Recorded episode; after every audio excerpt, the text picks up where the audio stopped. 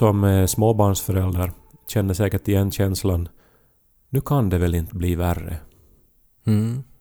Och det kan alltid bli värre. Ja, är det så? Jo, det finns alltid någonting. Det kan vara en sten i skon som man inte hade tänkt att det skulle kunna höja volymen ytterligare en nivå. Eller eh, något problem med bilbälte. Det hör ju ihop det där med den där sägningen att när man tror att nu orkar man inte längre Mm. så då har man åtminstone 20% kvar till den gränsen, till den faktiska gränsen att man inte skulle orka längre. Mm. Lite som när man hade den här reservtanken på sin eh, moped. Mm. Så att det fanns ju alltid lite kvar fast, man, fast det började hacka så att säga. Ja, Men eh, det är ju inte en rolig känsla när man tänker att nu kan det inte bli värre. nej förstås inte. Jag, jag, jag, har, jag har märkts av den känslan den senaste veckan. Mhm. Det har, det har faktiskt varit som en sorts film. Endera då komedi eller skräckfilm. Oklart.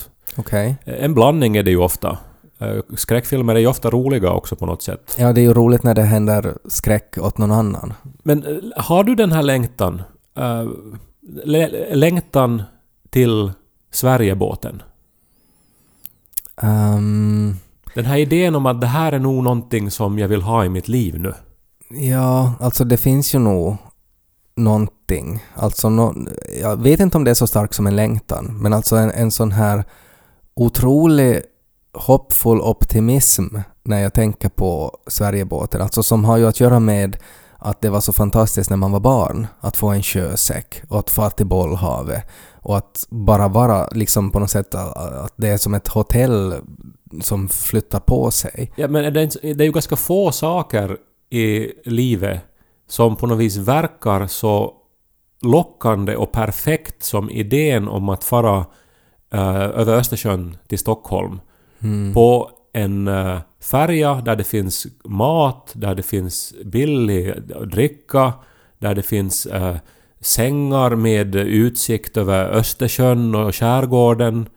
Det var så mycket med det också, för mamma och pappa var på bra humör, för man, var, man hade semester och man var på resa och det var roligt och sen fick man godis. Och det är liksom ganska så här, för ett barn är det ganska mycket liksom på plus där redan. Så att det kan inte liksom, det, det är sällan det kan skita sig när de förutsättningarna finns. Men vi drabbas, jag och Niko, eh, då och då av den här längtan efter att fara till Stockholm med färja. Mm. Eh, Det kan bero på att vi bor ganska nära hamnen också, så att när vi går förbi de här stora färjorna så då är man att men skulle det kunna vara roligt. eh, Skulle inte måste vara på båten? Mm. Så här. Och eh, det där är någonting som återkommer, en sån här känsla av att nu, nu borde vi ändå ge det en chans. Att det är väl ganska skönt det där. Ja. Och nu har det ju varit corona det har inte riktigt gått att fara så att den har varit ganska stark. Mm. Så jag, jag skulle då till Stockholm förra veckan, det är det jag skulle komma till. Ja. Jag skulle på en konferens. Ja. Och eh, det här, några dagar innan jag skulle fara så fick Niko corona. Mm. Så jag såg ju då att, att det kanske inte blir av den här min resa. Eh, men jag testade mig dagligen och jag var negativ, jag hade inte heller några symptom. Och eh, samma dag då som jag skulle fara så gjorde jag nu då ett sista test som var negativt. Jag hade fortfarande inga symptom. Så jag, jag, jag tänkte att men, nu tänker jag inte låta pandemin styra mitt liv längre. Nu far jag på den här planerade resan. Ja. Så jag gick ombord då på, på färjan. Mm. Och uh, kände alltså, det svindla så här att oj, jag, jag är på resa och jag ska, nu ska jag äta gott och jag ska träffa vänner i Stockholm och på konferens och det ska bli roligt det här. Mm. Frisk havsluft var det också. Mm. Men det var ganska mycket studenter ombord. Ja, var det något så här... Det, det är väl, nu kommer jag inte ihåg vad det heter, men det är väl ganska många så här studentevenemang som ordnas på de här färjorna.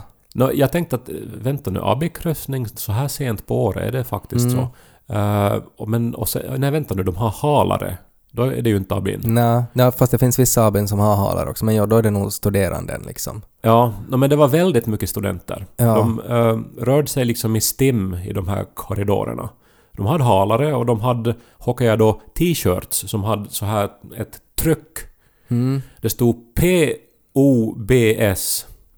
POBS, alltså POBS. Ja. Eh, och sen här och där fanns det såna här fotoväggar där det stod P-O-B-S och så stod en massa glada studenter i halare och blev fotograferade Okej. framför de här väggarna. Ja. Nåja, jag förstår då att okej, det här kan bli en stökig kryssning nu då. Mm.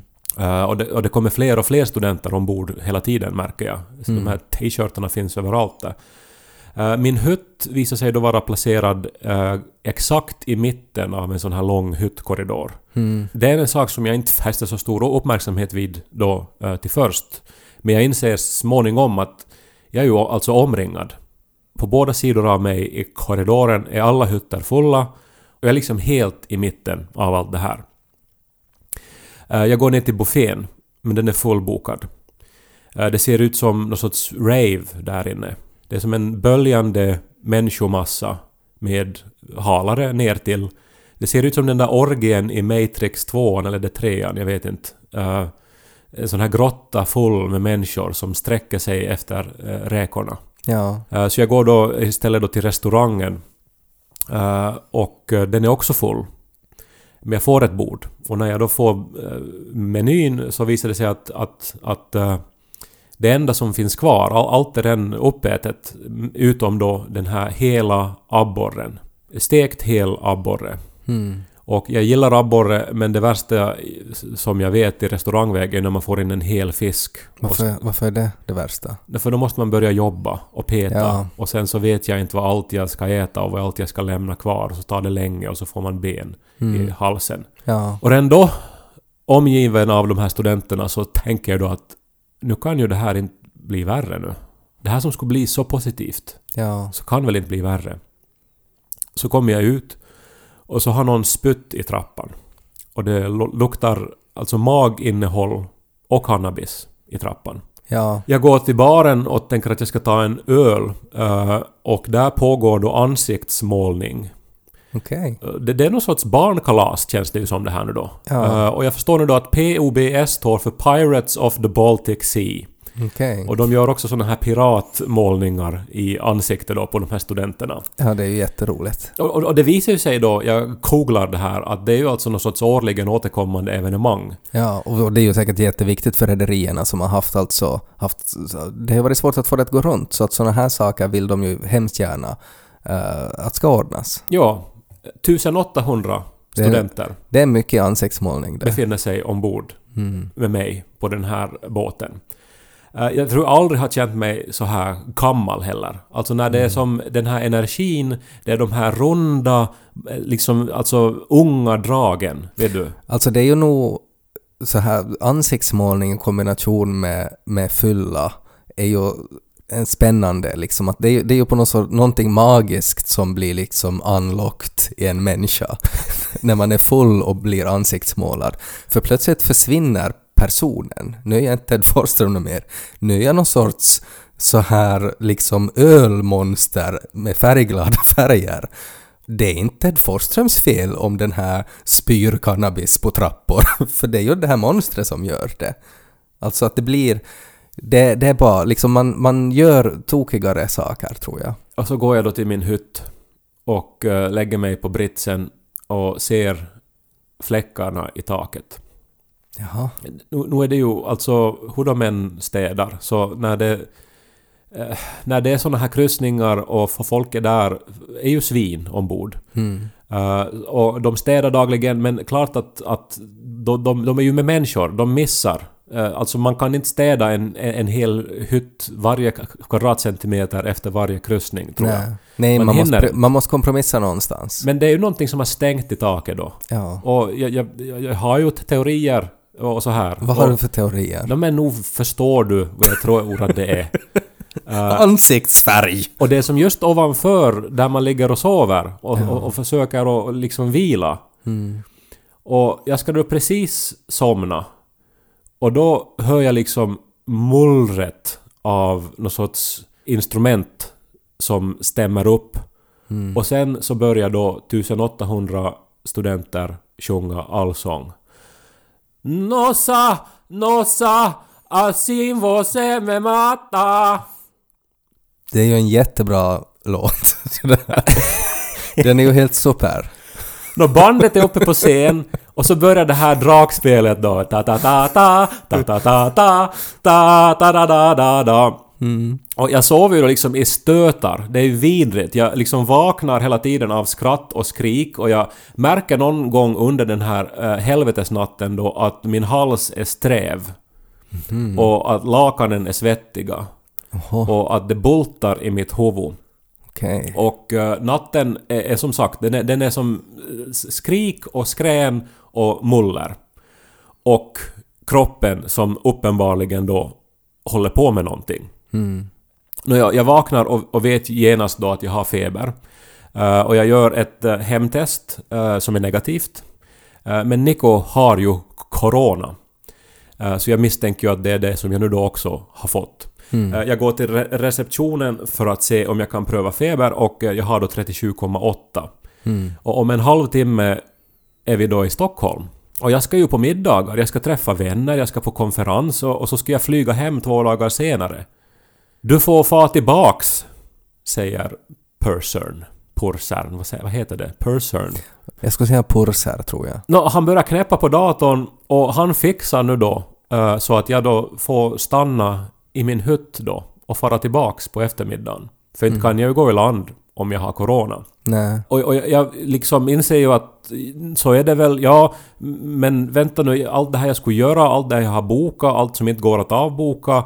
Och eh, det kan ju vara någonting annat också, jag kanske bara vill du liksom... Det var kanske något med, med den där abborren. Ja men alla planer hotar ju att få till skite. Eh, Men febern stiger, eh, jag har här yrsel, jag har liksom muskelvärk, jag är liksom uppenbarligen sjuk. Ja. Så jag stannar i hytten. Hela dagen. Alla går av båten. Jag blir kvar och stirrar på den här Värta hamnen och Kaknästornet. Det gråaste stället i hela Stockholm.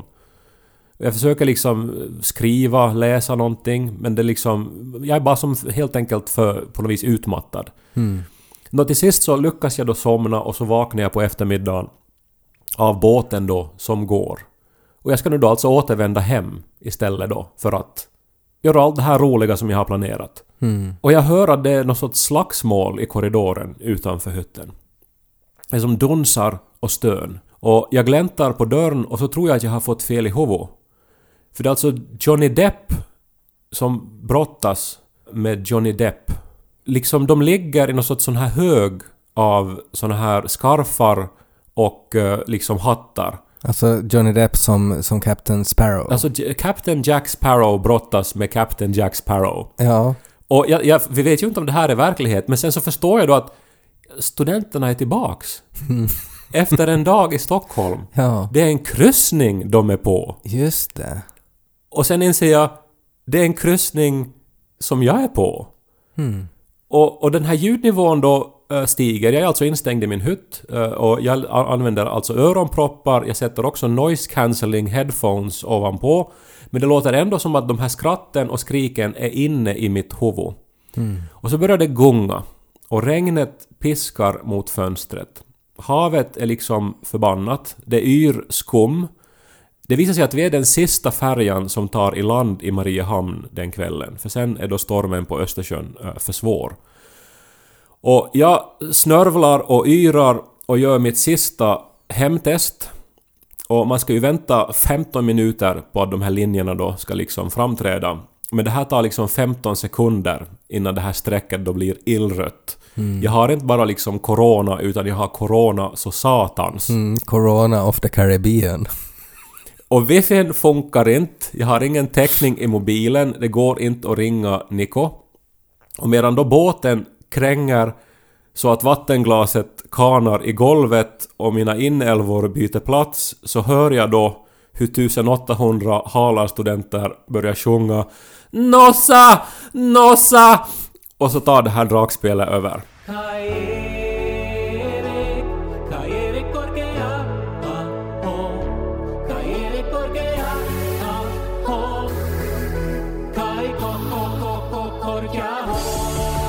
Du vet ju sådär i filmer, när någon... Det är oftast är det någon sån här ganska sån här oskyldig vetenskapsman eller uppfinnare eller trollkarl som har så här liksom goda intentioner med att att liksom att nej men nu skapar jag, nu, nu, nu ska jag göra den här ringen så att, att någon god människa kommer, kan använda liksom makten korrekt. Uh, att man, man liksom uppfinner någonting fantastiskt. Men sen så vet man ju att att det här kommer att användas liksom av ondskan. Alltså att det, det, det, det, världen är så, alltså att det här, det här blir liksom, det korrumperar, liksom makt korrumperar eh, i allmänhet. Och då finns det ju alltid någon i de här filmerna som säger liksom sådär att, som inser det här och säger att nej, du måste släng den i Mount Doom, liksom att vi kan inte, du kan inte liksom gå inte den här vägen liksom. Jag förstår att du tänker rätt, men att det kommer att skita sig. Lyssna på mig, det kommer att skita sig. Eh, jag var med om det här igår. Där jag var den här trollkarlen, den här smeden, den här som på något sätt tänker att det här, det här är inte ett problem.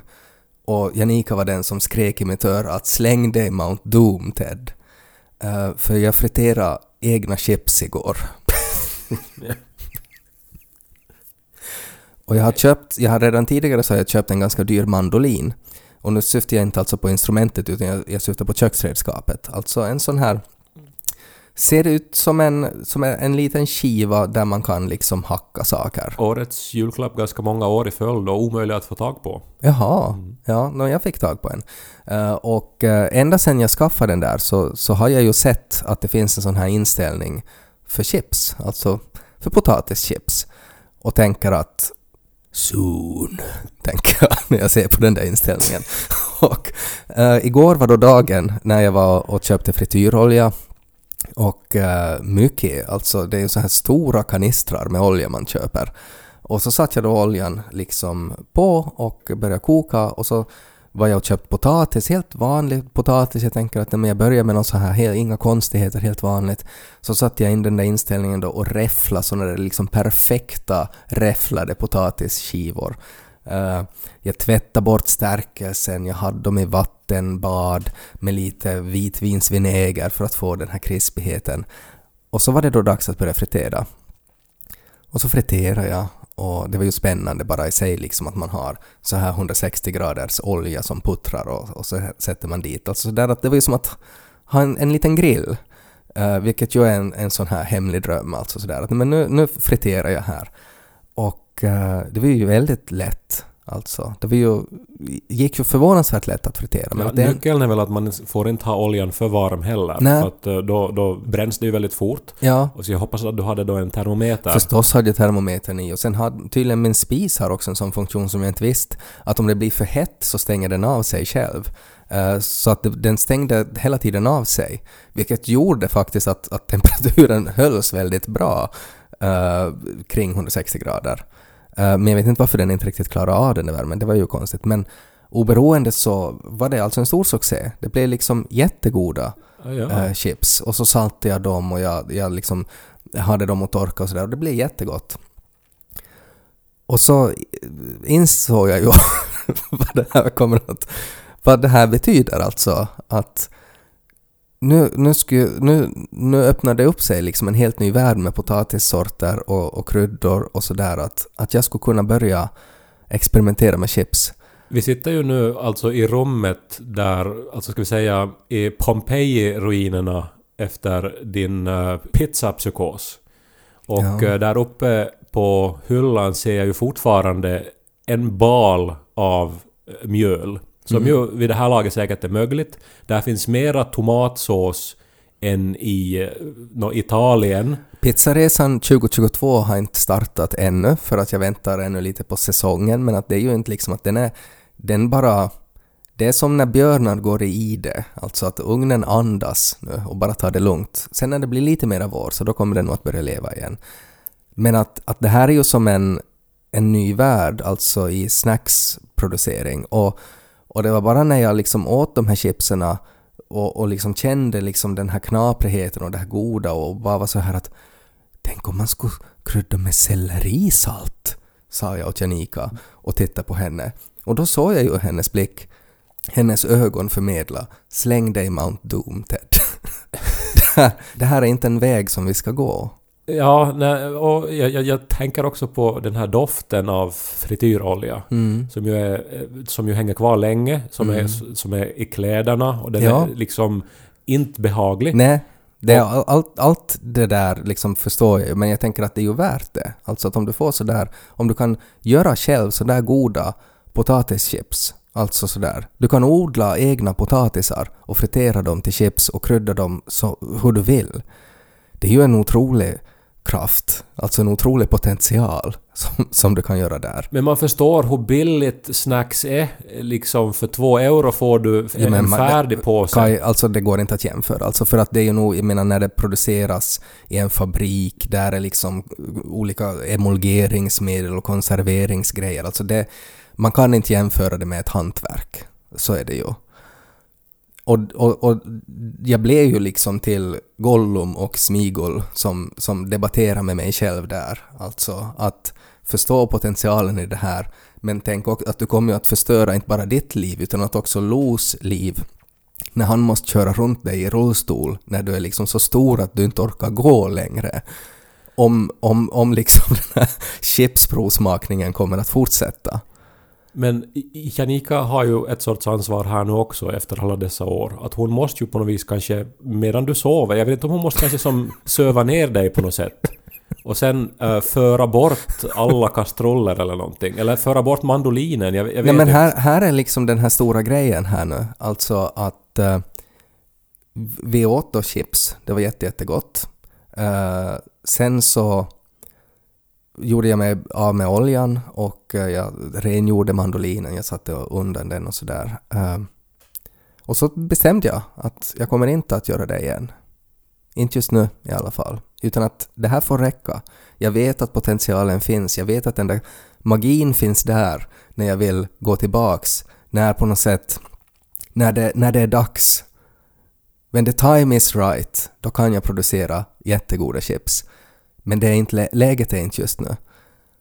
Och sen var det så där som, som en, en sån här liksom känsla av, alltså nästan så där som eh, en religiös upplevelse. Alltså på något sätt så där att, att, liksom att, att det bara liksom klickar att så här, ja, jag vet, jag känner på mig att det här kommer att hållas. Och så var det, kändes det väldigt så här upplyftande och väldigt så här skönt efteråt. Att nu, nu fick jag ur mig det här. Och det är kanske det som jag tänker att jag kan rekommendera. Alltså, för jag har ju alltid haft en sån här grej om att ja, men, jag har inte gjort, jag har inte provat fritera egna chips. Och nu har jag gjort det och jag såg att det var gott men jag kan också lämna det åt sidan. Och att jag var nöjd så här långt.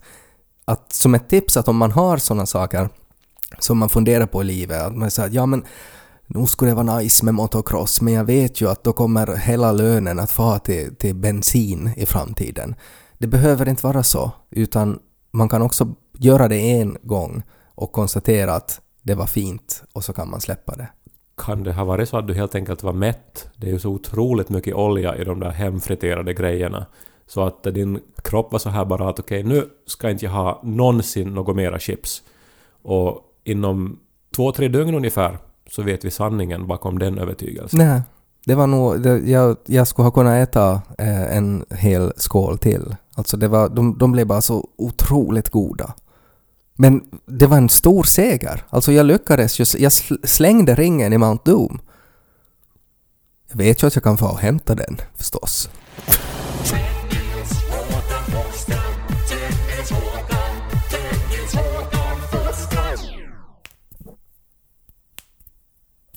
Triggervarning kanske? Eller borde jag ha sagt före? Jag knäpper mina fingrar. Ja. Gör, gör, gör, gör du det? Ja, och, och nu när du gör det så känner jag hur skönt det skulle vara att jag skulle göra det. Nej, jag måste nog göra det också. Ah. Visst då det fanns en eh, amerikansk eh, professor som eh, ville då alltså reda ut en gång för alla att är det skadligt att knäppa sina fingrar eller inte? Mm. Och vet du vad han gjorde? Mm, Nej, alltså vilken, vilken, vad, vad var det för år? Fråga nu inte detaljer när jag bara har snabbt sett det här online. Okej, nej jag vet inte vad han gjorde. Jag tänker bara för att om det här skulle vara liksom början av 1900-talet så lobotomerade han väl någon eller sköt dem med ström eller någonting. Nej men grejen var då att han testade på sig själv. Mm. I 60 år så knäckte han bara ena handens fingrar Mm. och lät bli den andra handen. Ja, Han gjorde det dagligen. Och efter 60 år så hade han då kunnat konstatera att det var ingen skillnad. okej. Det fanns inte någon större eh, liksom, risk för reumatism eller olika ledskador. Mm. Så dog han säkert lycklig. Tror du han dog lycklig? Nej, Alltså man tänker att, att det där är sådär att man ligger i sin dödsbädd att "Nå, åtminstone så har jag knacksat ena handen i 60 år. nej men han, alltså, tänk nu hur många människor det finns och han bidrog då med den här lilla nuggeten av kunskap. Men tror du inte att han skulle ha hoppats kanske att det skulle ha varit liksom att det skulle ha visats att oj, nej men han fick ju li- det, det liksom helt förstört, liksom att det är enorma, liksom ena handen ser ut som, som liksom Popeyes hand och andra är just bara som, som den här indien som hade hållit upp sin arm i 70 år, alltså det är så här förtvinad och förstörd. Att han skulle kunna liksom säga alltså här att Här är mitt före jag dör, Knä, knacksa inte med hö- Och så dör han. Alltså att det skulle ha haft en grej. Att det var ju nog det sämsta det där, att det var liksom så här, ja, nej men inte var det nå. Skulle kunna sluta efter ett halvår som jag lite funderar på. Men det blev som ett beroende ja, alldeles. ja. Men samtidigt så är det nog imponerande med den här eh, staminan, vad heter det, uthålligheten. Alltså att man, man verkligen fullföljer ett, en idé som man får. Att nu ska jag, nu- ska jag liksom verkligen grundligt undersöka det här med mig själv som testobjekt. Ja, nej men det var ju han som... eh, jag kommer tyvärr inte ihåg vad han heter, men alltså han som tog fram den här... eh, alltså en skala som döptes väl efter honom, alltså för hur ont det gör att bli biten av olika insekter. Och han tänkte att han måste utgå från sig själv, liksom att, att han då satte, hade liksom, gick igenom typ alla insekter som fanns på diverse kroppsdelar och så skrev han då liksom så Åh! Tju? och så tar han samma myra men i öga. Åtta? och så, så går han igenom det då, så har man liksom någonting att, att, att jämföra med. Och det kräver ju nog, alltså det är nog någon form av av, eh, alltså man är ju nog speciell som människa. Men det är ju nästan alla som forskar är ju lite speciella. Men alltså det, det, det krävs ju en otrolig envishet i kombination med uthållighet för att genomföra sådana där saker. Jag kommer ihåg när jag började knacksa fingrarna hur det var ett så här medvetet beslut också. Att det, det fanns en sån här fantasi om att, lika som att, att, att köra sån här Mönkea, det hade jag också som fantasi att jag ska inte ha bil utan jag ska köra det. Uh, så, så fanns det också som en sån här fantasi att sen när jag är vuxen så ska jag också knacksa mina fingrar. Och så började jag då som 13-14-årsåldern, så började jag ja, liksom knacksa mina fingrar utan att det knacksa. Och sen till sist började det knacksa. Liksom sådär att jag på något sätt artificiellt skapa det här. Och, sen och nu idag så gör jag det och sen är det som en sorts... um, det känns ju som att man, man ventilerar någonting. Att det kommer ut lite ånga som har fyllts upp i lederna när man gör det. Att det är, så här typ skönt. precis det som eh, händer också, någon sorts bubblor av gas som eh, liksom släpps ut. Ja. Min, eh, jag har ju haft armen i paket som man vet om man har lyssnat på den här podden och jag blev ju av då med min mitella för ett, e- en och en halv vecka sedan ungefär. Och med, armen har varit ganska så här stel och jag har som haft lite problem med att klä mig och så vidare. Men det var när jag tog på mig jackan häromdagen. Så det var så här stelt jag liksom rörde mig då så här som man gör när det liksom gör ont på vissa ställen. Och så när jag skulle sätta i armen så knacksade det helt otroligt hårt från min axel. Mm. Det gjorde alltså inte ont, men det var ett sånt här... Ett, ett väldigt ljudligt ljud. Mm. Och efter det har armen varit kanske 80% mera rörlig än vad den var innan. Intressant. Jag var osom, alltså, dels när det hände så blev jag ju för förskräckt. Jag tänkte att nu gick någonting av. Men sen bara så gjorde ingenting ont och sen var det bara som en så stor förändring och en så stor lättnad. Så det var ju som otroligt satisfying. Mm. Att jag föreställer mig att det var någonting som, som helt enkelt lades på plats och plötsligt så är jag som mirakulöst frisk. Det är ju sådär som man skulle vilja att alla problem skulle lösas på det där sättet. Att det skulle bara knacksa till och så skulle det liksom spridas en sån här känsla av skönt. Och så har någonting förbättrats. Tror du att han som gjorde den här insektsmärta topplistan, hade han varit på så här studentkryssning någonsin? I Corona? Alltså det är ju, om man ska vara riktigt noggrann med så här undersökningar, så jag menar det finns ju mycket skadedjur säkert på de här båtarna också. Alltså att han borde liksom testa att göra det mer ont om du har ansiktsmålning och en viss promilla i kroppen när du blir biten av en bullet ant i förhuden liksom. Det är nog mer ont när det spelas det här Aise Eutepego. Jag tänker det! Det måste ju vara en ren tia.